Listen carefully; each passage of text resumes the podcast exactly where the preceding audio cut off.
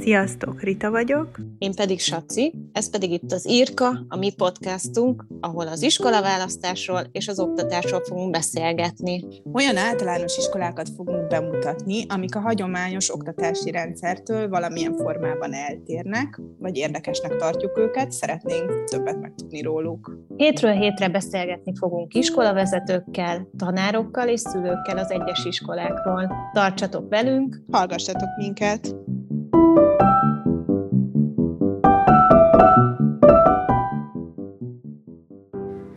Sziasztok!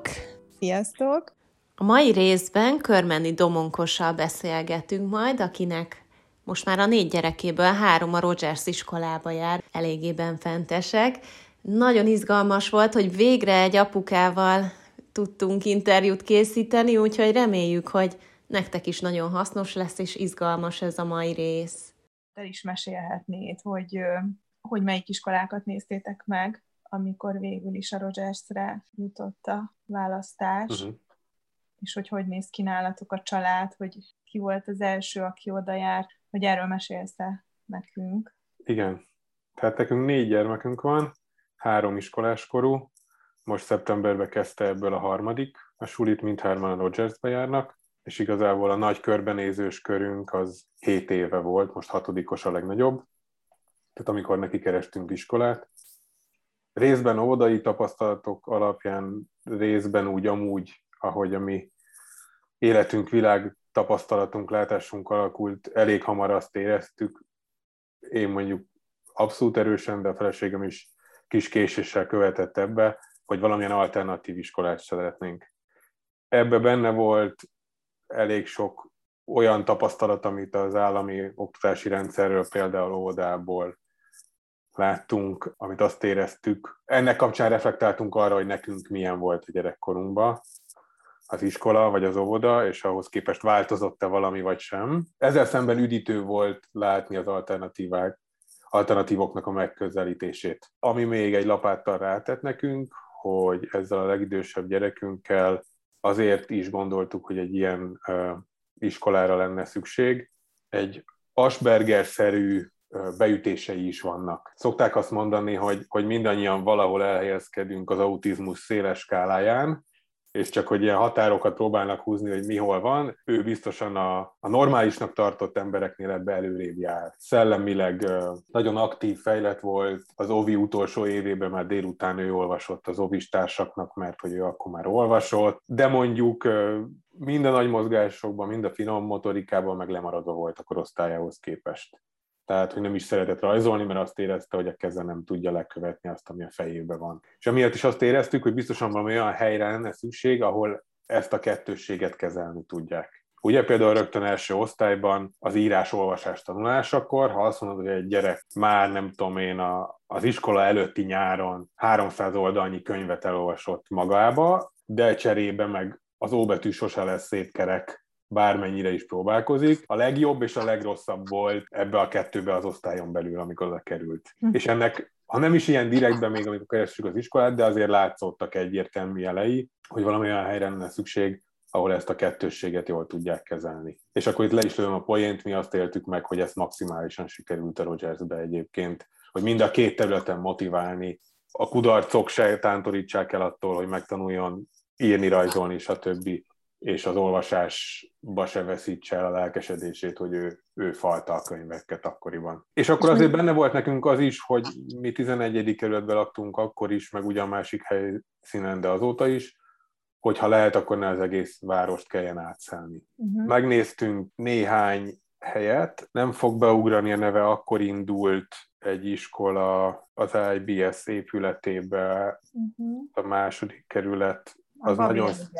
Azaz, nem? Babérliget, mhm. köszönöm. Nagyon szimpatikus volt, akkor még katasztrofálisan káoszos kiválasztási folyamattal. Ahogy a beszélgetés bemelegítésében szóba került, a kincskeresőt is megnéztük, egy ismerős ajánlására figyeltünk fel a Rogersre, ami helyszínileg is, illetve a honlapról elérhető információk alapján pedagógiailag vagy hozzáállásilag is nagyon szimpatikus volt. És egyébként ott azt éltük meg, ugye ez a Covid előtti változata a kiválasztási folyamatnak, de azt éltük meg, hogy ott kíváncsiak ránk, hogy ott figyelnek ránk, egy sok alkalmas folyamatba ismerték meg a gyerekeket, és meséltek közbe a szülőknek arról, hogy hogy működik az iskola. Külön a leendő osztálytanítókkal volt egy, hát majdnem egy órás beszélgetés, csak így a szülőként, és még utána volt az úgynevezett felvételi játék, ami egy szombat délelőtt volt, ami után ők végül döntöttek arról, hogy kit vesznek fel. Azt éreztük, hogy ők nagyon-nagyon sok időt, energiát tettek ebbe bele, ami jól esett, hogy meg akartak minket is, mint család, és a gyereket is ismerni. Uh-huh. Ami egyébként azért el kell mondjam, biztosan szerencsénk is volt, hogy akkor éppen két első osztály indult, Rogersben jelenleg összesen tíz osztály van, tehát két évfolyamon van két-két osztály, az összes többi évfolyamon csak egy osztály. Ez egy szerencsés pillanat volt ebből a szempontból, hogy könnyebb volt bekerülni. Én azt látom, hogy általában, amikor két osztály indul, akkor nem is tudják teljesen feltölteni a elvileg megcélzott maximális 20-20 fős létszámot. Igen, igen, erről beszélgettünk a Erával, és mondta, hogy szerencsére nem muszáj nekik, mert nyilván jelentkező az lenne, csak hogyha ők úgy érzik, hogy nem, nem a megfelelő dinamika alakulnak ki, akkor inkább kevesebb gyereket vesznek föl, és mondjuk nekem ez nagyon szimpatikus. Igen, ez azt hiszem eléggé hitelessé teszi ezt a kiválasztást, hogy nem, nem töltik fel a létszámot csak azért, hogy akkor több bevétele legyen az iskolának. Igen. És a, a többi, többi gyereketeknél már amúgy egyértelmű volt, hogy akkor ők is ide fognak menni, vagy ez... Igen, nekünk, nekünk nagyon jó volt a tapasztalatunk, tehát én, én körülbelül hát nem tudom, három-négy hónap után fogalmaztam meg azt, hogy bárcsak én is ilyen iskolába járhattam volna, vagy hogy milyen jó lenne újra elvégezni az általános iskolát, és néhány emléket, meg tapasztalatot lecserélni erre a szemléletre, vagy ez, ez a típusúakra. Tehát nekünk nem volt kérdés, hogy, hogy az összes többi gyerekünket is oda szeretnénk vinni, mint a legtöbb hasonló iskolába itt is elő, előnyt élveznek a testvérek, de nem jelent ez automatikus felvételt. Ugyanúgy megpróbálják megismerni ezeket a gyerekeket is, hogy nekik való-e ez az iskola, illetve arra is reflektálnak, hogy a szülőkkel mennyire működött a, a, az egész dolog. Tudok olyan konkrét helyzetről, ahol azt mondták, hogy a második gyereknek ugyan passzolna az iskola, de annyira nem tudtak a szülőkkel együttműködni az első felvett gyerek kapcsán, hogy, hogy ezért sajnos nem tudják felvenni, és ne is jelentkezzenek. Amiről a szülő reakciója az volt, hogy akkor az elsőt is elvitte onnan, Uh-huh. És a többi gyereketeknél is bevált? Abszolút mértékben, tehát hogy, hogy uh-huh. Minden gyerek más típus, azt gondolom minden szülő, akinek több mint egy gyereke van, az aláírja vagy elismeri. Pont tegnap mondta nekem valaki, hogy az ikrei is mennyire eltérő típusuk személyiségbe. Mindegyiküknek más módon, de egyelőre nagyon passzol most, aki az elsőt kezdte szeptemberbe, tehát még egy fél éven sincs túl, ő, őt is azt érzem, hogy a, ő most a helyére került, és, és és kivirágzott. Uh-huh. Most már azért így, hogy három gyereketek az iskolába jár, gondolom még aktívabban részt vesztek a szülői közösségben, és hogy erről egy picit mesélje nekünk, hogy ezt hogy élitek meg, milyenek a szülők, milyen a, a közösség, mennyire kell részt venni egyáltalán szülőként ugye mindennapokban. Két részre bontanám ezt, és azon belül is ö, sajnos ugye egyértelmű határt lehet húzni a két évvel ezelőttig, hogy volt, meg azóta, hogy van. Alapvetően nagyon aktívan részt vehetnek a szülők az iskola életében, de itt szándékosan mondtam azt, hogy vehetnek, mert hogy nincs egy ilyen elvárás, hogy akkor mindenbe belefolyjunk, vagy Waldorfosan még a takarítást, és nem tudom mit is mi lássuk el. De vannak lehetőségek, események, ahol az egyes osztályok életébe be tudunk csatlakozni, szoktak lenni olyan programok, ahol a, a szülők is a gyerekekkel együtt vesznek részt. Ezek általában valamilyen iskolai ünnepek, előadások, programok köré kapcsolódnak, de több az, ami osztályszintű, és kevesebb, ami össziskolai program. Ezek száma jelentősen megcsappant, illetve kültéri helyszínekre, egyebekre korlátozódott most a pandémia okán, illetve vannak, amikről sajnos csak mondjuk egy videófelvételt kapunk a gyerekek ilyen vagy olyan előadásáról mondjuk, amikor úgy ítéli meg az iskola vagy a, a szülői közösség, hogy ez kockázatos lenne. én nagyon szeretem ezt, hogy ebben van egy szabadságunk, hogyha akarunk, ha, ha meg tudjuk engedni magunkat, magunknak, akkor részt tudunk ezekbe venni. Értelmszerűen nem este hatra hétre teszik ezeket a, a programokat, tehát a, ha valaki egy kötöttebb munkaidővel dolgozik, akkor mondjuk nehezebb egy délután fél négy-négyes programra munkanap becsatlakozni. De nagyon jó, hogyha ha nem tudunk személyesen részt venni, akkor se esünk teljesen ki, tehát videókat, információkat, fotókat megosztanak ezekről, ahogy egyébként a mindennapi életeikről is mondjuk fotókat rendszeresen megosztanak a gyerekekről, hogy lássuk, hogy mit és hogy csinálnak. A pandémia előtti időszakban egyébként a reggelek voltak még az aktív alakítói annak, hogy akár a tanárokkal, akár szülők egymással tudjunk beszélgetni mindig. Nagy élet zajlott a folyosókon az óra kezdés előtt. Reggel most csak különleges esetekben léphetünk be jelenleg az iskolába. Már nagyon várom, hogy ez változzon, mert úgy könnyebb a kapcsolatot tartani, hogyha személyesen tudunk beszélgetni. Tehát, hogy az iskola életében ilyen szempontból én azt érzem, hogy ha akarunk és tudunk, akkor aktívan benne lehetünk, zárójás megjegyzés, hogy a, az egész ismerkedési, kiválasztási, bemutatjuk az iskolát, és próbáljuk megismerni az érdeklődő családokat, folyamatban is próbálják egyébként a szülőket is bevonni, tehát az oda járó gyerekek szüleit úgy értem, hogy, hogy ezek most ilyen különböző online alkalmak, és akkor van olyan, ahol már oda járó gyerekek szüleinek is tehetnek fel kérdéseket, az érdeklődők, diákoknak is tehetnek fel kérdéseket. És a másik része meg a szülők közösség így egymás között a szülők, az meg osztálya válogatja, hogy mi és hogy alakul ki. Az első gyerekünk osztályában nagyon aktív szülői közösség lett, az apák rendszeresen sörözni, beszélgetni jártak, járnak össze, az anyák egy aktív, nem is csak a iskolai életre korlátozódó csetszobát tartanak fenn maguknak, és ott, ahogy én hallom, elég nagy az élet. Vannak olyan osztályok, ahol csak szűkebb körökbe alakulnak ki ezek, hogy akár azért, mert a gyerekek jobb kapcsolatban vannak, összejárnak, valahol mondjuk az van, hogyha egy olyan iskolai program van, mondjuk egy erdei iskolának pár napja, vagy az év végén van mindig egy nagy össznépi iskolai tábor, az alatt tartanak valami gőzkiengedő alkalmat a szülők közösen, hogy végre nincsenek a gyerekek otthon. De ez is alapvetően én azt látom, hogy az emberi kapcsolatokra, a kommunikációra, egymás megismerésére nyitottak a szülők, zöme legalábbis. Illetve szerintem nagyban tudja segíteni a, a szülői közösség alakulását, formálását, hogy majd minden osztálynak szoktak szervezni fél egy év után egy ilyen úgynevezett Gordon tréninget, ami az iskola alap pedagógiájának, szemléletének a, a módszerét adja át, és akkor ez egy sok alkalmas, vagy hétköznap, késő délután esti, vagy akár hétvégi, ahogy választjuk meg, ahogy képzőt sikerül találni. És itt megismerhetjük azt, hogy hogyan kommunikálnak, hogyan működnek a, a, a tanárok a suliban, a gyerekek felé, megpróbálhatjuk mi is ezt megtanulni, gyakorolni, és nem mellesleg egymást is sokkal jobban, mélyebben megismerjük. Ez egy ilyen valahol egy kicsit önismereti része is van, amit így kiteszünk az asztalra a többiek elé. Ez nem kötelező, ez egy lehetőség, én már alig várom, hogy a harmadik gyerekünkkel is részt vehessünk ezen. Mindig lehet újat tanulni, de, de legalább ennyire fontos ez a kapcsolatépítés, vagy a szülőtársak megismerésének része. Uh-huh. Szokott olyan lenni, hogy a szülők kezdeményeznek valamit az iskola fele? Hogy mondjuk szeretnének valamilyen külön órát, vagy akár felmerül valami probléma, és akkor a szülők ezt az iskola fele valahogy prezentálják, hogy erre volt nálatok példa, illetve hogy az iskola ezt hogy fogadja? Abszolút.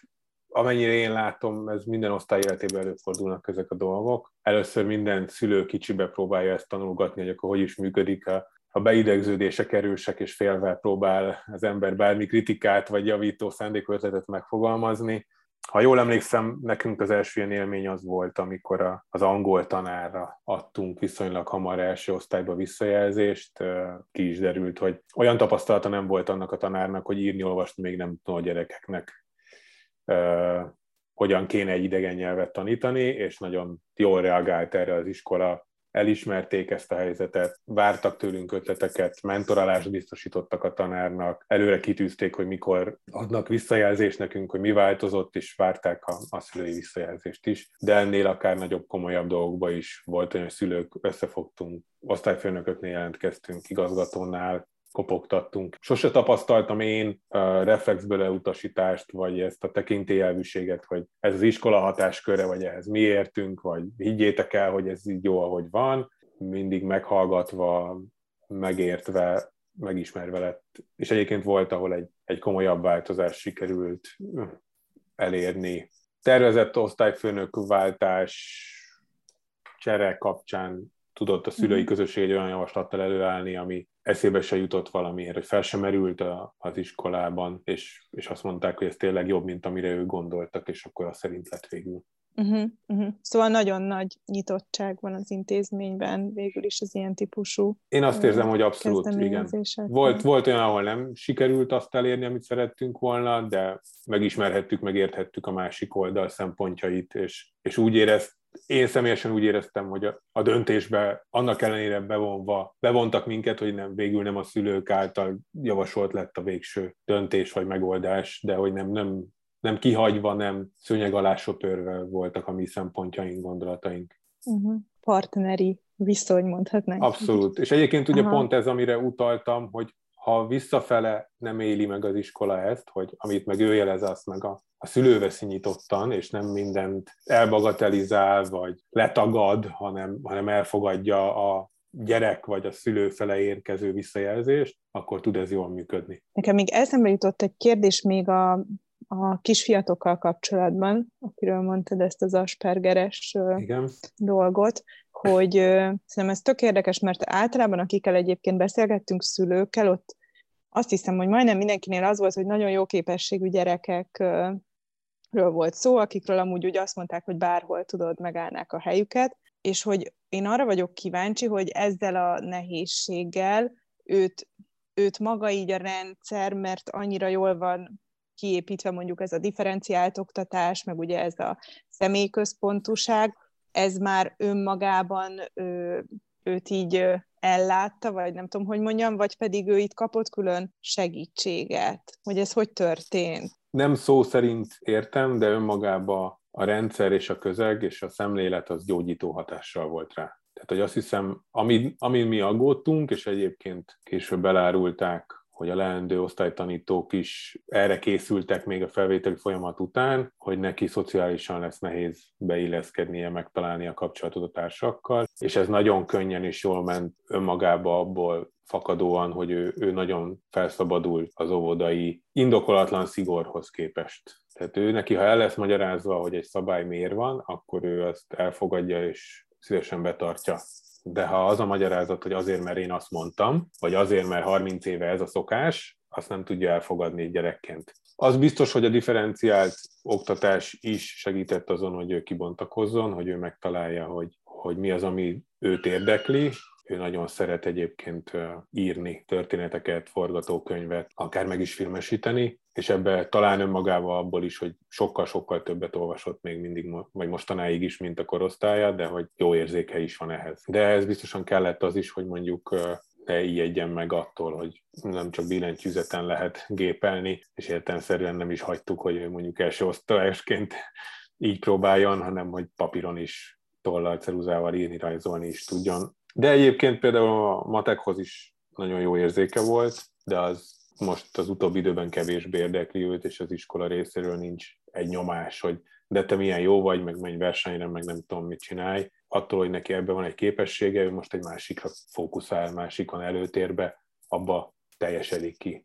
Beszélj Léci arról, hogy milyen a gyerekeknek egy napja itt. Igazából arra lennénk kíváncsiak, hogy hányra járnak be az iskolába, hogy néz ki nagyjából egy napjuk, hányra mentek értük, van-e házi feladat, hazaviszik-e a könyveket, mit tesznek az iskolába, mennyire összehangolható a három gyereknek egy napja, szóval így igazából egy ilyen teljes napot szeretnénk megismerni szülői elmondás alapján. Kezdem mondani, hogy egy első osztályban hogy indul ez. Első osztályban 8.30-kor kezdődik a nap egy úgynevezett beszélgetőkörrel, amikor megbeszélik, hogy kiben mi van, milyen hatások érték akár az előző nap, vagy a hétvége alatt őket, megbeszélik, hogy mi várható az nap, akár a hét elején, hogy mi várható a héten. Tehát ez egy olyan, hogy így egy kicsit megérkeznek lélekbe is, ha valami nyomja a lelküket, azt leteszik, ha valaminek örülnek, azt is megosztják a társakkal. Ez egy ilyen körülbelül fél óra hosszúságú valami. Érdemes már úgy érkezni, hogy legyen idő azért már eddig a fél kilencig is kicsit lélekbe megérkezni, beszélni a barátokkal, elhelyezkedni, tehát az iskola által javasolt, kért érkezési időpont az a legkésőbb 8-15-re, lehet hamarabb is, ha jól rémlik, fél nyolctól van talán ügyelet, ez minket nem érint, mert alapvetően későn kelő, későn fekvő típusú család vagyunk, úgyhogy mi az utolsó pillanatban szoktunk beesni. És akkor utána van egy rövid szünet nekik, sokszor akkor még pótreggeliznek, vagy aki nem reggelizett, akkor ejti meg azt az általa hozott elemózsiából, és akkor utána kezdődik a tényleges tanulás. Az első osztályban még abszolút rugalmasan vannak kezelve, ha mettől meddig tart egy óra, azt szokták mondani, hogy addig, ameddig a gyerekek még bírnak figyelni. Ha ez 20 perc, akkor 20 perc. Tehát, hogy nincs csöngetés iskolai szinten, nincs csöngőhöz igazodás, és aztán szép lassan évről évre alakul ki egyre komolyabban ez a rendszer. Az én gyerekkori emlékeimhez képest viszonylag hosszabb szünetek vannak, hogy jobban kiszellőzön a gyerekek feje. Amikor csak az időjárás engedi, akkor próbálják kivinni, kihajtani őket az udvarra. Az már viszonylag eloszlik, hogy mikor, de valamikor nagyságrendileg 12 és egy között ebédelnek, most próbálják minél inkább szeparálni az osztályokat itt a vírushelyzet miatt is, de amúgy is korlátos az konyha vagy az étkezdének a kapacitása, és akkor utána délután még megy tovább a tanulás, alapvetően fél négyig tart az iskola, de ez azt is jelenti, hogy az első években egyáltalán nem, és, és csak szép lassan, óvatosan, fokozatosan hoznak jelképes házi feladatokat haza. Tehát, hogy igazából fél négyig, kvázi mintha már egy ilyen napközi a régi rendszer szerint hozzá lenne csapva a normál tanuláshoz, és kicsit elnyújtva, hosszabban, lassabban, kényelmesebben, illetve jobban elmélyülve tanulnak ők ott az iskolába. Normál esetben se tankönyvet, se füzetet nem is hoznak haza hétköznap, még a toltartót se, tehát mondjuk a uzsonnás dobozt és a kulacsot hozzák viszik. Amikor szülők bejárhattunk, akkor az egyébként mindig reggel egy jó lehetőség volt, hogy azért kicsit megnézzük, hogy miket alkottak, amik a falra kikerültek, akár fizeteket, bármi egyéb iskolai alkotásokat, faladást, kicsit ránézzünk, megismerjük, ez most némileg nehezebb. Körülbelül ez az elején a, a folyamat, és akkor innen szép lassan jön az, hogy aztán évről évre kisebb, majd egyre nagyobb feladatokat kapnak. A legnagyobb gyerekünk hatodikos, neki azért van már néha házi feladat, de az is szinte sosincs olyan, hogy egyik napról a másikra kapnak feladatot, tehát szerdán azt mondja a tanár, hogy akkor holnapra ezt vagy azt csináljátok meg mindig. Némileg hosszabb határidő van, tanulják is meg beosztani az idejüket, és, és, és szembesülni ezzel, hogy lehet húzni az utolsó pillanatra, de akkor az mivel jár. Egyébként a hatodikosoknak már van órarendbe beépített úgynevezett tanulószobájuk is, ahol szintén tudnak tanulni, készülni, házi feladatot csinálni. De ők is ben vannak az iskolában így a délután folyamán is? Fél négyig mindenki bent van, igen. Fél négyig Elsőtől nyolcadikig ez a rendszer. Ez a tanulószoba se feltétlen délutánra van téve, hanem akár napközben, ahol van egy, egy üres luk, vagy van, hogy reggelre, tehát ahol, ahol épp helye van az órarendben. Uh-huh. És akkor ebből a, a fél négyes végzésből, vagy ahhoz adódik hozzá, hogy ötig van ügyelet, tehát ott van egy másfél órás szakasz, amikor bármikor elviheted a gyereked. Erre is igaz, ami a napközbeni szünetekre, hogy ha csak tehetik, akkor kint vannak, szabadba. És ilyenkor van egy délutános tanáruk, aki ott van velük, vagy akkor Igen, igen, minden... ilyenkor van, van tanár, de hát nem tanulási céllal vannak akkor már ott. Ha kim vannak az udvaron, akkor ott ki ki a maga kedve vérmérséklete szerint focizik, szaladgál, beszélget. Van ez a uh-huh. Waveboard nevű őrület a, az oxalógyártó a termékei után csak oxalózásnak hívják, ez nagy népszerűségnek örvend, és akkor ott egymást tanítják a nagyobbak a kisebbeket, meg tudom én, 20-30 gyerek cikázik akár ilyen csípőmozgatással, vicces kinézetű dolgokon. Ha nagyon hideg van, vagy ömlik az eső, akkor meg bent valamilyen termek, terembe, termekbe vannak. És hogy a is sáv van, sportolásra, külön órákra van lehetőség az iskolában? Igen, tehát a, ezt a rendszert töri meg önmagába az, hogy minden osztály heti egyszer megy úszni, és akkor az délután van az úszás, és akkor van, hogy nem az iskolába végeznek, hanem az uszodából kell elvinni őket, hasonló idősávban, mint ez, esetleg mondjuk nem fél négy, csak négyre végeznek, ha épp úgy jön ki. És egyébként meg egy-két fajta külön órára van lehetőség ott az iskolába. Van olyan, ami már ezen a fél négy és öt közötti időszakban elkezdődik. Azt hiszem van olyan is, ami talán csak öttől. Ez az egy, amit talán azt mondanám, hogy bizonyos szempontból örülnék, ha nagyobb választék lenne, de ez egy kis iskola ezzel a gyerek létszámmal, hogy van összesen 10 osztály, és maximum 20 gyerek egy osztályban, de jó pár osztályban kevesebb. Tehát, hogy nincs 200 gyerek összesen, erre nehéz nagy változatosságú programokat szervezni, illetve sokan viszonylag messziről járnak, agglomerációból, vagy a város túlvégéről, tehát elég hosszú utazási idők vannak, ott meg van, aki inkább már vinné haza a gyerekét, és megértem, hogy nem akarja még sokáig bent tartani. Kényelmesebb, praktikusabb lenne, ha egy, egy-két sportolási lehetőség még lenne, de megértem, hogy miért nincs, és egyébként manapság meg annyira változatosak az igények és a szülők irányából, meg a gyerekek irányából, mit akarnak, hogy végképp nehéz lenne összeszervezni. Uh-huh. Következő kérdés kör az a értékelésre, meg a számonkérésre, meg a motivációra vonatkozik, hogy ezekről mesélnél egy kicsit, illetve, hogy említetted, hogy te ugye nem ilyen iskolába jártál, és hogy nektek az okozott-e bármilyen problémát, vagy vagy volt-e ilyen fennakadásotok abból, hogy mondjuk itt nincsen osztályzás, gondolom ebben tudatosak voltatok, és érti általában az ember szerintem, hogy ez miért nem tesz jót egy gyereknek, csak amikor szerintem így a valóságban szembesül ezzel, akkor ez szokott a szülőkkel ilyen gond lenni, hogy nem tudnak, tudod, hogy ebben a rendszerben gondolkodnak, és akkor ez van, akinek frusztráló, hogy itt másképp működik ez az egész. A feleségemmel mindketten ilyen értelemben konzervatív családból származunk, és első gyerekek voltunk, akikre nem csak, hogy magas elvárások nehezettek, hanem azt hiszem, hogy mind a ketten még ezt saját magunk feljebb is tettük az amúgy is magasra tett lécet, mint, mint a szüleink szerették volna. Így utólag már érdekes ezt látni, hogy ez hogy alakult. Ehhez képest számomra nagyon felszabadító volt azt látni, hogy, hogy itt nincs egy ilyen teljesítménynyomás a gyerekeken. A lehető legnagyobb mértékben próbálják a szülői nyomás tól is megvédeni a tanárok vagy az iskola a gyerekeket. Nekem az, hogy nincs osztályzás, nincs piros meg fekete pont, az egy hihetetlen felszabadítónak tűnik így szülői szemmel. Nekem nem volt ezzel hál' Istennek gondom, hogy ezt elfogadjam vagy megértsem. Én azt hiszem, hogy sokkal több információt, visszajelzést kapunk szülőként a gyerekünkről, mintha csak néhány osztályzat lenne, amit elég nehéz lefordítani tényekre, vagy, vagy konkrét helyzetre, vagy hogy maximum az a jelzés tűnhet fel, hogyha valami nagyon kiugrik a többihez képest, hogy akkor ott meg kell nézni, hogy milyen gond van. Szöveges visszajelzés van, negyed évkor és három évkor alapvetően a gyerekek önértékelésén van a hangsúly. Egész döbbenetes, hogy első osztályba alig telt el két hónap, és már magukról milyen jól átlehetett tudnak a megfelelő módon elérve, vagy hogy mondom, kiszedve belőlük a gyerekek adni saját magukról, hogy ő nekik most hol a helyük az iskolába, az osztályba, ők hogy hogy vannak most. Ezek ilyen rajzos, színezős, találj ki egy mesét, és azt rajzold le, ami mégis a kerettörténet úgy van, hogy ez reflexió legyen az iskolára. Innentől aztán, ahogy egyre nagyobbak, egyre változatosabb módon ők maguk határozzák meg, hogy ők hol érzik, hogy hol tartanak, fél évkor, meg év végén pedig hosszú, szöveges, személyre szabott visszajelzést kapunk a tanároktól. A gyerekek is, meg mi szülők is.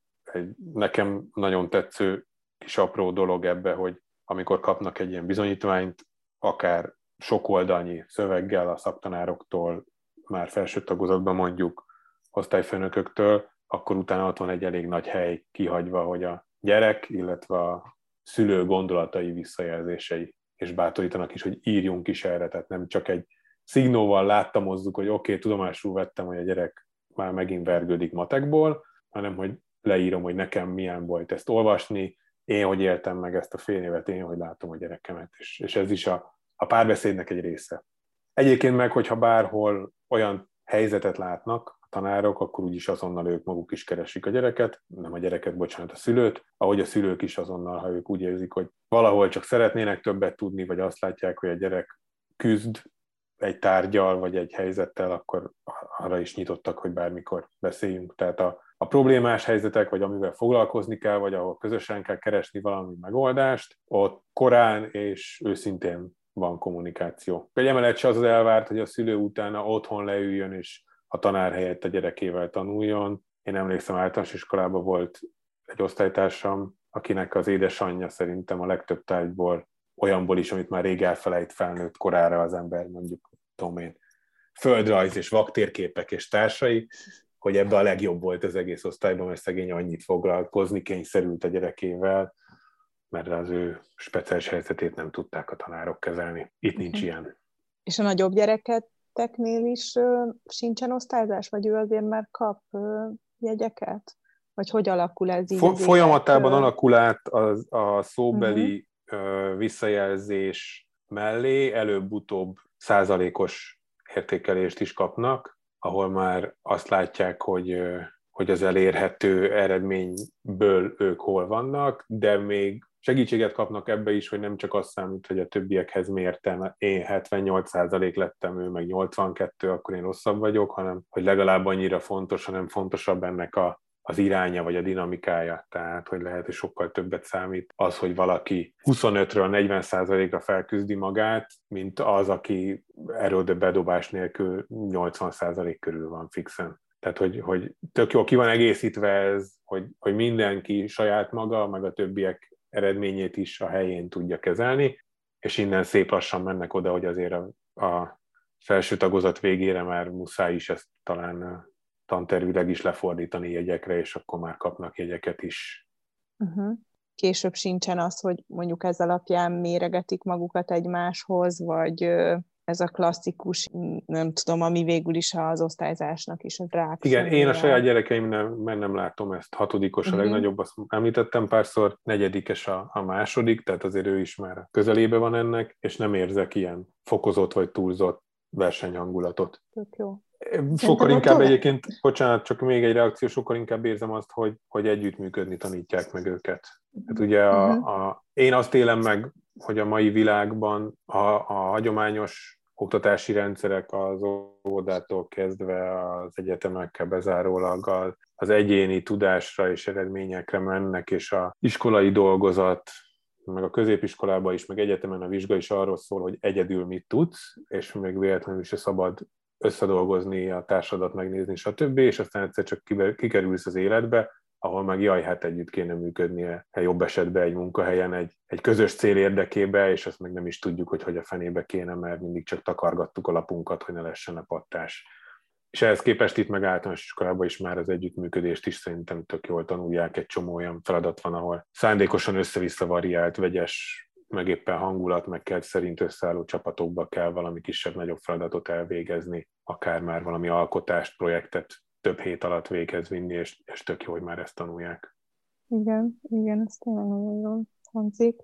Szerintem a továbbtanulásról beszéljünk, hogy, hogy egy picit már ez ilyen ráhangoló kérdés volt, vagy beszélgetés, hogy akkor vannak már terveitek, elképzeléseitek, mondjuk így a legnagyobb gyerek lesz nem sokára érintett, vagy akinek kell kezdeni gondolkodni, hogy hova tovább, hogy erre van bármi gondolatotok, ötletetek, illetve hogy az iskola erre mennyire készíti fel a, a gyerekeket. Tehát mondjuk, ha, ha jól értettük, akkor már ez a százalékos értékelés bevezetése is valahol egy ráhangolás, de hogy, hogy ezt hogy érzitek, vagy mik, mik a tapasztalatok?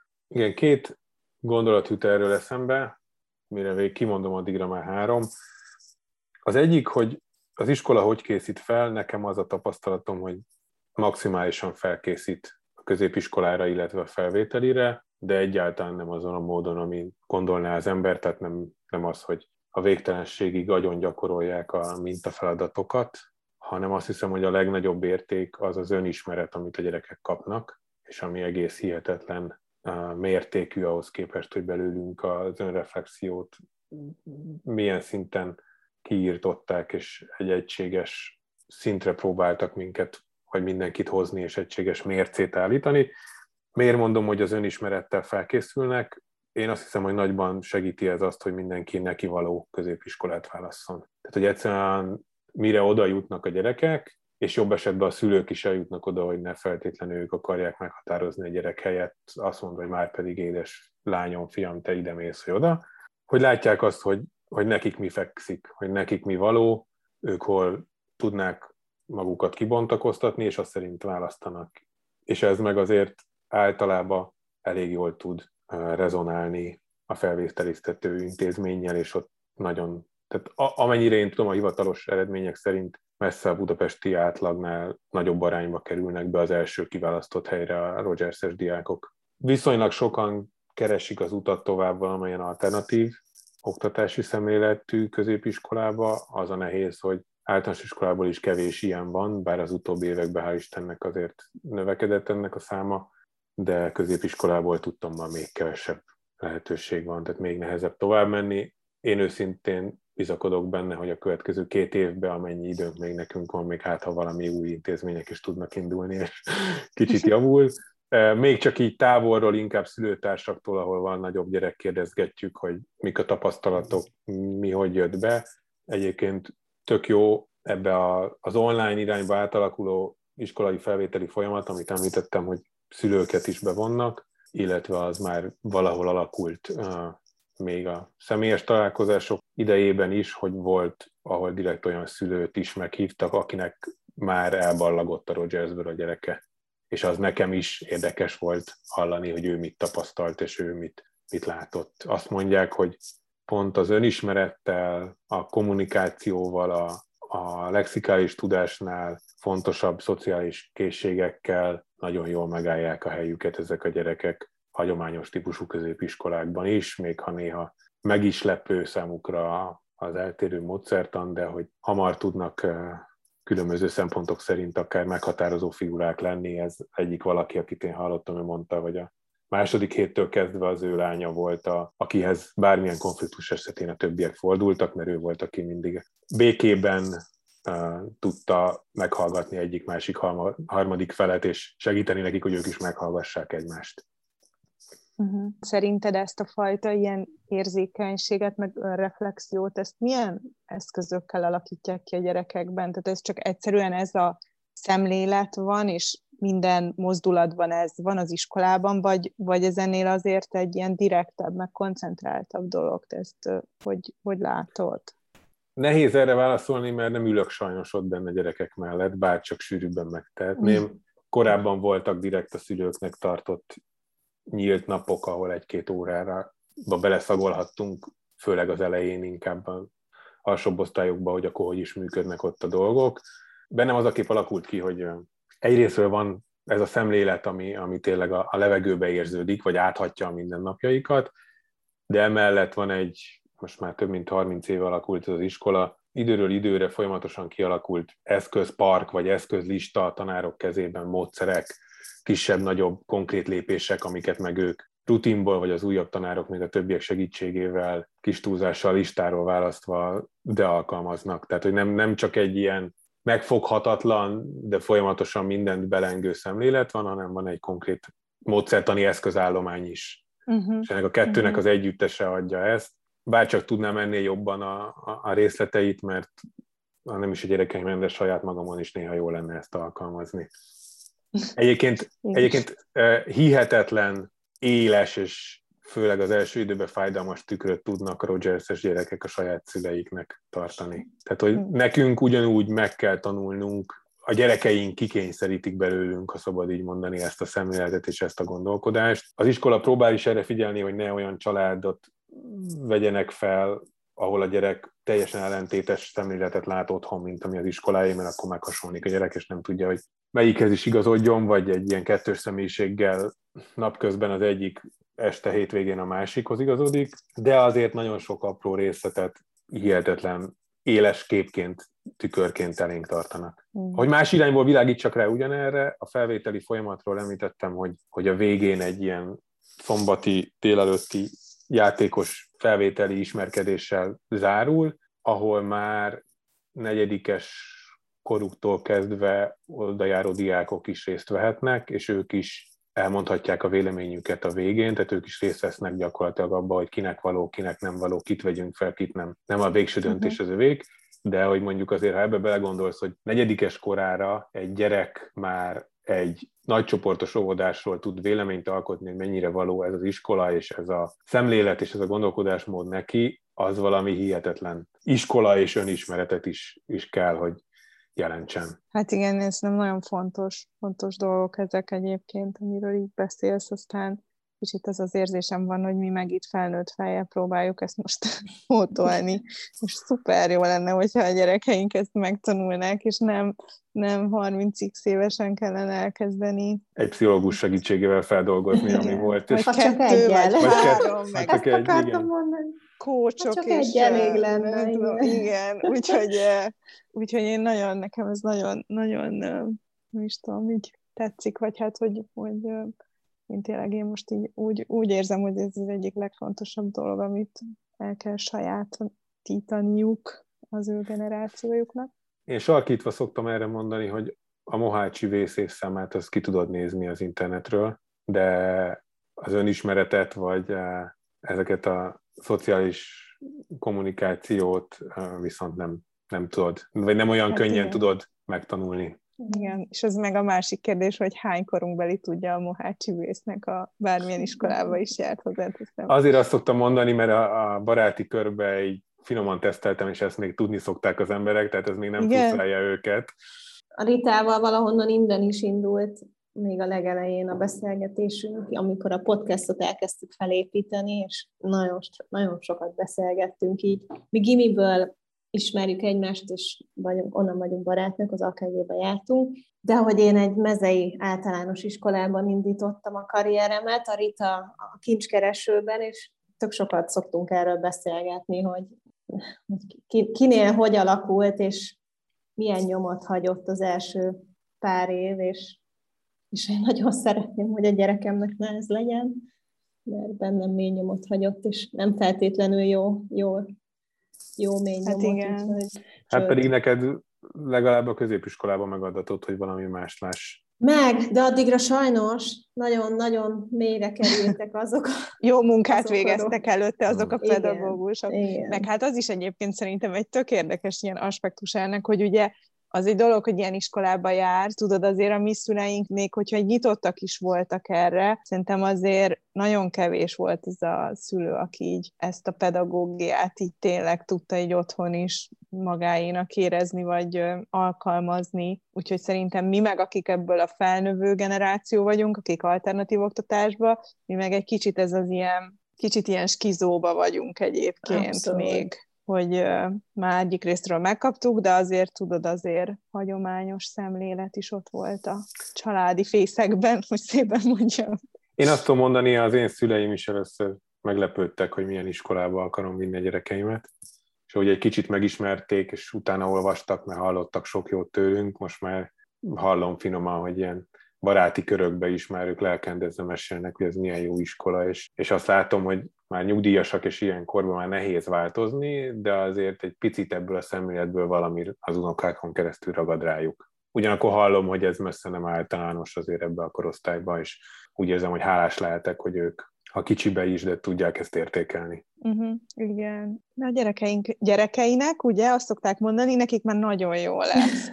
A következő kérdés, az is nagyon érdekel engem, főleg, hogy nálatok van már egy nagyobb gyerek is, az a kütyű használat. Ez az iskolában, hogy néz ki, az erre azért mesélt erről, meg hogy nektek személyesen mi a megélésetek erről, és hogy mi mire számítsunk, mi vár ránk, a nagyobbak lesznek a gyerekeink, hogy úgy összességében ez, ez a téma, hogy néz ki nálatok meg az iskolában így korosztályosan is. Igen, akár. az iskola viszonylag egyszerű és egyértelmű. Iskolán belül tanítási időben ne használj kütyüt, pont.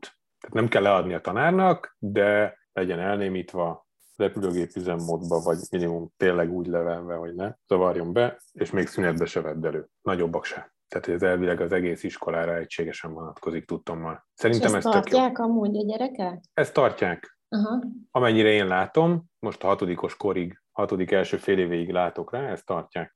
Az biztos, hogy egyre inkább még ezen belül is évről évre az a benyomásom, hogy egyre jobban áthatja egyébként a gyerekek életét a mindenféle kütyű. Én szoftverfejlesztéssel foglalkozom, lassan már 20 éve, tehát hogy ilyen szempontból én magam is kütyükkel kelek és fekszem, főleg, hogy még ilyen mobil szoftvereket is készítettünk elég sokat, tehát hogy az országban az elsők között volt bizonyos akár ilyen telefonokhoz, tabletekhez hozzáférésünk. A legnagyobb gyerekem az első kúszó mozdulatokat a földön azért tette meg, hogy elérje a telefont, amit direkt messze leraktam elé, ez lehet utólag nézve nem volt jó ötlet. Nem hiszek abba a megközelítésben, mondjuk a Waldorf, hogy még otthon se legyen semmi, és még mesefilmet se nézzenek, meg kütyüt se vegyenek a kezükbe. Ugyanakkor azt meg nézem, hogy még egy ilyen jó szemléletű iskolában, ahol azért a szülői közösség is biztosan hogy mondjam, haladóbb gondolkodású, vagy legalábbis elszakad ezektől a hagyományos normáktól, hogy itt is vannak olyan gyerekek, akik a jelek szerint délután akár több órát számítógép vagy tablet mellett vagy előtt játszással töltenek minden nap, és nem tudnak másról beszélni az osztálytársakkal, csak a Minecraftról, meg az Among Us-ról, meg a miért divatos az osztályban. Ezt túlzónak érzem. Egy szempontból az iskola szigorúan nem avatkozik bele az iskolán kívüli időnkbe, napközben azért én azt látom, hogy próbálják ezt terelni, hogy ne csak erről legyen szó, vagy az említett napindító beszélgetésben ne csak arról legyen szó, hogy előző nap milyen eredményeket értek el a valamilyen digitális játékban. A legnagyobb gyerek osztályában ott az első osztály elején szülők együtt kitűztük, hogy megpróbáljuk azt, hogy sok éven át még ne legyen telefonja a gyerekeknek, mert ha egyszer elindul, akkor nehéz, mert ott, ott van azért ez a nyomás, hogy a társaknak van, ott inkább az egyedülálló szülők, vagy a messzebbről jövők, vagy akik már jobban a önálló közlekedés irányába próbáltak lépni gyerekekkel, léptek hamarabb, de egész jól sikerült tartani. Más osztályban sajnos nem volt ilyen megegyezés, vagy nem sikerült, ott azt látom, hogy korábban van, aki már első osztályban úgy érkezik, hogy ilyen telefonálásra is alkalmas okos órája van a gyereknek, amit én túlzónak érzek, és akkor a fél négy után már többször hívogatja a szülő, hogy most már csak fél óra és jövök, most már csak tíz perces jövök, és ez így. Szerintem az iskola szemlélete nem ez, hogy ilyen szinten rövid pórázon tartsd a gyereked, és, és egy ilyen érzelmi függést alakíts ki ezzel, hogy akkor naponta háromszor beszélsz vele telefonon. De, de az a része, hogy akkor iskolai időben ne legyen kütyüzés, az tök jól tartva. Uh-huh. Hogy még ebbe az ügyeletbe sincs az, hogy na, akkor most már elkezdünk játszani. Ti hány éves korba vettetek egyébként a gyerekeknek, vagy hát hogy ez nálatok hogy néz ki? Én, én a telefont magát, ameddig tudtam, húztam, most a hatodikos gyerek szeptemberben kapta meg egy én korábbi régebbi telefonomat. Most viszonylag sokat ő már egyedül közlekedik, néha tesókkal együtt, néha egyedül, és akkor ehhez azt éreztük, hogy jól jön csak egy ilyen biztonsági tartaléknak. Az egyik utolsó volt már az osztályban, azért ezt hozzá kell tenni ezzel, hogy mondjuk hatodik uh-huh. év elején, vagy majdnem utolsó, én bennem azon, hogy azért legalább felső tagozatig szeretném minden gyereknél, de majd meglátjuk már. A környezetre is reagálni kell valamennyire, tehát... Jó, de már te már sok mindent láttál. Te olyan vagy, mint egy ilyen nagy tesót, nem? Már, már annyi ízét végig csináltatok, hogy... Igen, a, a, most az első osztályban van egy uh, család, az egyen nagyobb gyerekeink, a negyedikesek is együtt járnak, akiknek most már negyedik gyereke jár. Uh-huh. Uh, igen, mi már sok mindent láttunk. Én már az, rögtön az első gyereknél örültem, hogy elviszik. A gyereknek is jó volt, nekünk is jó volt. Uh, amikor a második gyerekünk kezdte a, az első osztályt, rögtön a legelején volt egy ilyen már bevett gyakorlat szerinti szülői alkalom, ahol mindenki elmondhatta, leírhatta, volt egy ilyen tök jó módszer erre, hogy mit vár, mitől tart, mire számít. És én azt mondtam ezen az alkalomon, hogy én most megnyugodtam, én most hátadöltem, mert tudom, hogy a gyerekem jó helyen lesz, és minden mm-hmm. rendben fel lett véve, és kész. És egy év múlva, amikor már a második osztályt kezdték, akkor valaki ezzel kezdte a ki mivel érkezik a nyár után a, a suliba, így szülők beszélgetést, hogy most már érti, hogy én egy évvel ezelőtt mit mondtam. Uh-huh. És most már neki első gyereke volt, nem volt Rogersről tapasztalat, aggódott, és, és azt mondta, hogy most már átérzi ezt, és már a második évet ő is így kezdi, hogy azt érzi, hogy a legjobb helyen van a gyerek, és ő akkor nyugodtan hátradől, hogy akkor most itt minden sinem van. Hm. És valahol egyébként így több gyerek után ezt érzem, hogy egy ilyen iskolában, hogyha ha sikerül egy, egy egészséges kapcsolatot kialakítani a tanárokkal, akár az igazgatóval is, bárkivel, a, és azt érzed, hogy a a nagyobb gyerekeid jó helyen vannak, akkor ezzel a bizalommal mehetsz oda, hogy akkor, akkor a, a többi is sínre kerül. És ez nekem egyébként hihetetlen megnyugtató. Uh-huh. Ez értető. Én pont ezt érzem most az Ovinál, hogy oda viszem a gyerekemet, és hátradőlök, és azt, azt érzem, hogy jó helyen van, és bízom mindenben, ami ott történik. Ugyanezt éreztem előtte a bölcsinél, és pedig amúgy egy viszonylag aggódós típus vagyok, és, és hogy ez mennyire jó, hogyha, hogyha egy iskola is ezt tudja adni, főleg mondjuk három-négy gyereknél, hogy beviszed, hátradőlsz, és így tök jó, hogy működik. Utolsó kérdésünk jön. Felkészültél? Megkapaszkodok, mondhatod. ez, ez, a, ez a kedvenc kérdés, igen. hogy mi az, amit a legjobban szerettek az iskolában, és hogy van-e bármi olyan dolog, ami, hogyha tudnátok, esetleg, ha nem tudnátok, de hogy mi az, amin változtatnátok, hogy van-e bármi ilyen? Ha lehet, kezdem a második felével, szerintem az a könnyebb. Amin változtatnánk, nagyon furán hangzik, de azt hiszem, hogy a legnagyobb változás az lehetne, hogyha egy nagyobb és ehhez a módszerhez jobban alkalmazkodó épületbe kerülhetne az iskola. Volt egy időben egyébként, amikor kerestek, hogy egy második sulit is nyissanak Budapesten, Pesti oldalon.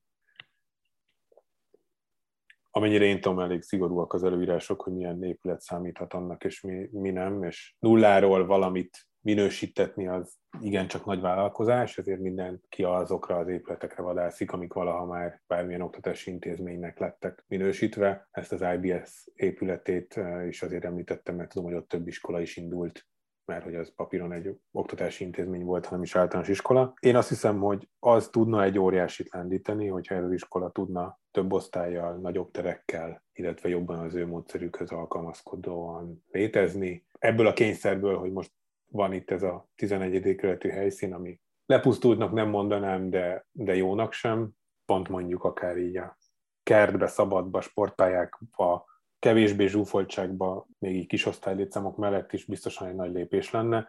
Én azt hiszem, hogy ez egy csomó jó változást hozhatna egy ilyen, de ez egy ilyen messzi álom szerintem, vagy nem tudok róla, hogy, hogy bármi közeli realitása lenne. De amit említettem mondjuk itt menet közben, hogy akár a több helybeli külön óra lehetőség is részben egy ilyenből is fakadna, hogy minden évfolyamon van két osztály, már majdnem dupla annyi gyerek lenne, akkor már sokkal könnyebb erre rászervezni helyszíni dolgokat, akkor még könnyebb lehetne a felvételi folyamat, akkor még sokkal kevesebb olyan valaki maradna ki, aki egyébként oda való lenne, csak betelnek az osztályok.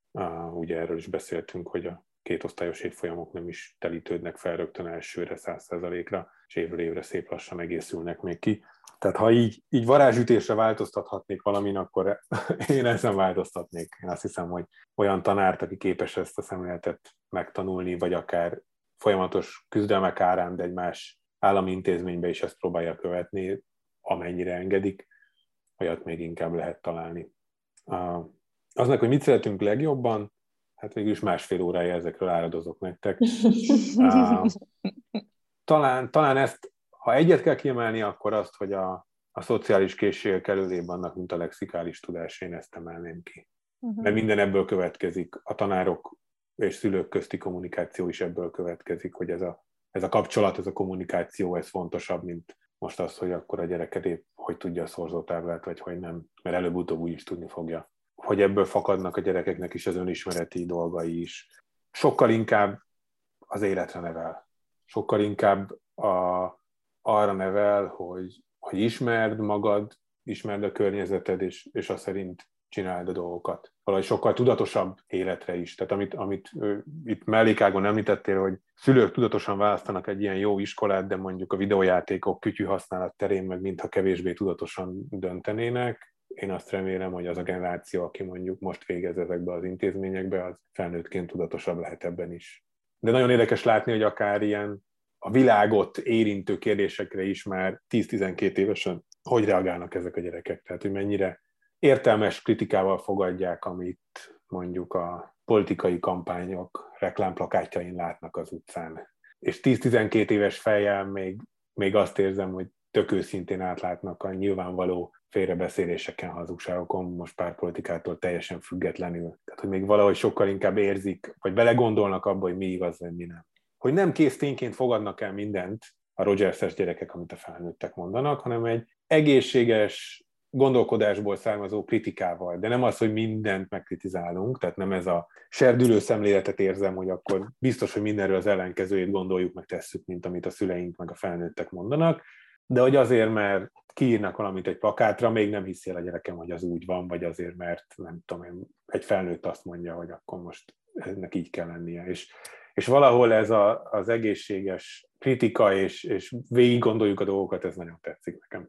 Jó, nekem eszembe jutott közben még egy kérdés, hogy ezt így pedzegetjük ezt a témát minden interjúban, mm, de úgy nekem ez még így nem alakult ki igazán erre egy ilyen válasz bennem, hogy az, hogy, hogy ti azt hogy élitek meg, hogy amiatt, hogy ez egy fizetős iskola, ami ráadásul egy nagyon határozott valamit képvisel, viszonylag szelektált az a társadalmi réteg, akit ez vonz, és hogy ez a hangzatos ilyen buborék effektus kialakul, hogy ti ezt hogy látjátok belülről, meg titeket egyébként ez hogy érint, vagy ti mit gondoltok erről? Abszolút jogos a kérdés. Mi is szoktunk erről beszélgetni a feleségemmel. Biztos, hogy van ennek egy buborék hatása. Sovány vigaz, de szerintem kisebb az ilyen hatása, mint a Facebooknak. Mármint most nem a gyerekeinkre, a mi életünkre nézve, hogy ott mhm. mennyire buborékot látunk a világból. Igen, a Rogers önmagában a tandíja, és azzal, hogy egyébként amennyire én tudom, még a fizetős sulikon belül is legalább a középmezőnybe tartozik. Ez egy, egy szűrő, tehát szelektál, lehet szociális alapon kedvezményhez folyamodni. Három gyerek után viselt teljes háromszoros tandíjat fizetünk. A jó hír, hogy én nem éltem meg soha azt, hogy a gyerekek között ennek direkt hatással lenne, nem mondanám, hogy itt mindenki csak a legújabb, legdrágább ruhákkal vagy autókkal jár, nincs ez a lenéző típusú szemlélet, amit akár más, mondjuk inkább középiskolákról, de hallottam, hogy ott az anyagi helyzet, azt gond, mindenki már kellően magasról indul, de azon belül is óriási szórás van, és ennek néhányan hangot is adnak. Itt ezt abszolút nem érzem, illetve nem is hagyná az iskola. Azt hiszem, hogy ez diákok között felmerülhessen. Biztos van egy olyan nyomás, azért azt elmondhatom, hogy egy dolgozó szülővel négy gyerekes családként nem a felső harmadába vagyunk a anyagi helyzetünk tekintetében a Rogers-es családoknak. Van némi ilyen nyomás a gyerekeink részéről, hogy az osztálytársaknak ezt lehet, hogy azt lehet, hogy ide mentek nyaralni, vagy oda mentek nyaralni, de nem érzem, hogy ez kiugróbb lenne, mint mondjuk az én gyerekkoromban általános iskolában volt, és iskolai szinten meg iskolán belül nincsenek tere és lehetősége, tehát inkább ez itthon a vacsoránál kerül elő, hogy hú, egyébként most nem tudom én hova mennek síelni majd az osztálytársak, vagy, vagy vajon mi mit tudunk ebből megengedni magunknak. Ez még számomra az épp elfogadható része ennek, hogyha itt sokkal inkább rongyrázás lenne, az biztosan zavarna. Tök jó, hogy az iskola folyamatosan próbál kapcsolatot teremteni más intézményekkel, akik akár a skálának a másik végét képviselik. Vidéki, falusi, vagy akár Budapestnek is olyan régiójában lévő intézmények, mindenféle szempontból nehéz körülmények közül érkező gyerekek, és ezekkel is kapcsolatot építeni volt, akikkel közös programok voltak, közös események. Volt, amikor, ha jól rémlik, akkor valamilyen petőintézetes fejlesztős csoporttal volt kapcsolat, tehát hogy azt lássák a Rogersbe járó gyerekek, ez hogy pont pont ez a buborék kevésbé alakuljon ki, tehát hogy jobban kilássanak abból, hogy egyébként máshol mi van, és jobban meg tudják azt becsülni, ami meg nekik adatott. Uh-huh, uh-huh. És egyébként osztályon belül is nagyon jól tanulják az elfogadást, az, hogy mindenki más milyen, és hogy ne ítéljenek el semmi miatt más gyereket vagy felnőttet, és ezt én úgy érzem, hogy időről időre bővítik ki, hogy ne csak az iskola keretén belülről legyen elfogadás, hanem ennél sokkal, sokkal szélesebb körbe is megismerjék a világot, vagy más gyerekeket és azok lehetőségeit. Jó, jó, kérdés, Laci, nyugodtan most. Nekem, nekem csak egy kérdésem lenne, ami engem érdekel, meg azt gondolom, hogy lehet, hogy más szülőket is, hogy a nyelvoktatás az milyen az intézményben, erről nem esett szó. Igen, ugye erre érdekelne. röviden csak egy példaként hoztam fel ezt az angol tanárt, aki először nem volt felkészülve a olvasni, írni nem tudó gyerekek tanítására. Tehát első osztálytól kezdve van angol. Az elején nagyon egyszerű játékos szinten, heti többször, de csak röviden. Tehát nem akarok rosszat mondani, de talán van, amikor csak egy negyed óra, tehát épp csak egy kicsit így ráangolódnak és foglalkoznak vele. Nem az a cél, hogy nyolcadik osztályig lenyelvizsgázzon bárki, de ahogy a mindenféle egyéb számonkérés, visszajelzés is fokozódik, úgy ennek a, a szintje is egyre nő, próbálnak valamilyen szinten ezen belül is differenciálni, ahol két osztály van egy évfolyam alatt egyel könnyebb, mert ott akár a két osztályt keverve is, de nem az a cél, hogy legyen egy elit, aki akkor előre szalad, és a gyengébbek meg még sokkal jobban nem maradnak, tehát néha ezek köt variálják, keverik uh, valamennyire, de ugye van, aki úgy érkezik, hogy mondjuk akár egy, az egyik szülője az nem magyar állampolgár, és emiatt akár kvázi a nyelvi szinten beszél angolul, vagy angol-magyar oviba járt, vagy külföldön éltek, vagy bármi egyéb miatt, tehát nagy különbségről indulnak a gyerekek, valamennyire ez is kezel van, hogy azok se toporogjanak egy helybe, akik már hoznak valamit, vagy jönnek. Még nem látom, hogy mondjuk nyolcadikra egyrésztről szerintem azok az alapok, hogy egy általános nyelvoktatás alapjai, és hogy ilyenkor még jól, jól ragad rájuk, az megvan.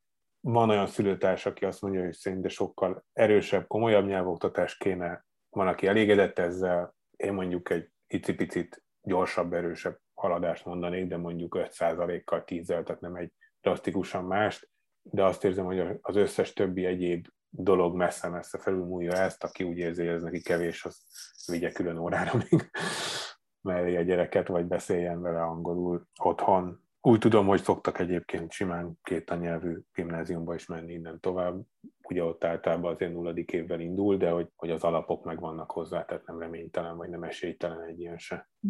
Jó, köszi.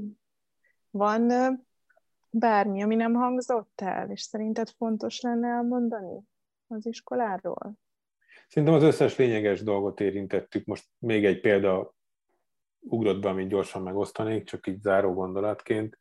Említettem ezt, hogy a felvételi folyamatba is már a negyedikesek és a felettiek bevonódnak, hogy amikor tartják akár személyesen, akár így online ezeket az iskolai bemutatkozó alkalmakat, ahol az érdeklődő szülők kérdezhetnek, oda is diákokat is beszoktak csatornázni, és a diákoktól is lehet kérdezni, hogy néha elég kellemetlen, vagy akár kötözködő kérdéseket is kapnak ezek a diákok, az érdeklődő, vagy akár kritikus szülőktől sokszor látni azt, hogy egy szülőpárból az egyik sokkal inkább akarná ebbe az iskolába küldeni a gyerekét, mint a másik, aki inkább keresi a, a pontokat, hogy miért nem, és olyan derekasan, őszintén helytállnak akár a kellemetlen felnőttek kérdéseivel is szembe egy 7.-8-os diák mondjuk, hogy én el nem tudom képzelni, hogy én mit tettem volna ebbe a helyzetbe, pedig egy ilyen határozott, magabiztos gyerek voltam. És valahol ezt olyan jól látni, hogy, hogy ide eljutnak várhatóan az én gyerekeim is majd, hogy, hogy felnőttek elé kiállva, kérdésekre válaszolva, nem belépve a csapdába, és, és nem fülét farkát behúzva, megijedve, sírva elszaladnak. Akinek szimpatikus, amit elmondtam, mindenkinek érdemes jobban megnézni, meg becsatlakozni ebbe a, a folyamatba, és még többet megismerni, mert ha az elmondottak tetszenek, akkor ez egy, egy passzoló suli lehet és legalább annyira fontos, hogy a szülőnek való-e ez az iskola, mint hogy a gyereknek. Hát igen, minden uh, iskola, iskola oldaláról megszólaló pedagógus egyébként, mikor kérdezik, milyen gyereknek való. Nem gyereknek, milyen szülőnek való. Mm. Arról beszéljünk, az a fontos, hogy minden gyereknek való, hogy jó iskolába járjon, vagy hát, hogy olyanba, ahol ő a lényeg. Na jó, nagyon szépen köszönjük. Nagyon. Akkor igen, nagyon jó volt, meg hasznos. Én is Külön, én nagyon örülök, hogy apukával tudtunk beszélni. Igen, az is tök jó benne. Nagyon. Ez az Erának volt a nagy trükkje, ő mondta, hogy direkt egy apukát szeretne, mert hogy talán mondtátok is neki, hogy szinte kizárólag anyukák szoktak lenni, és, és ő direkt úgy ajánlott, vagy javasolt már.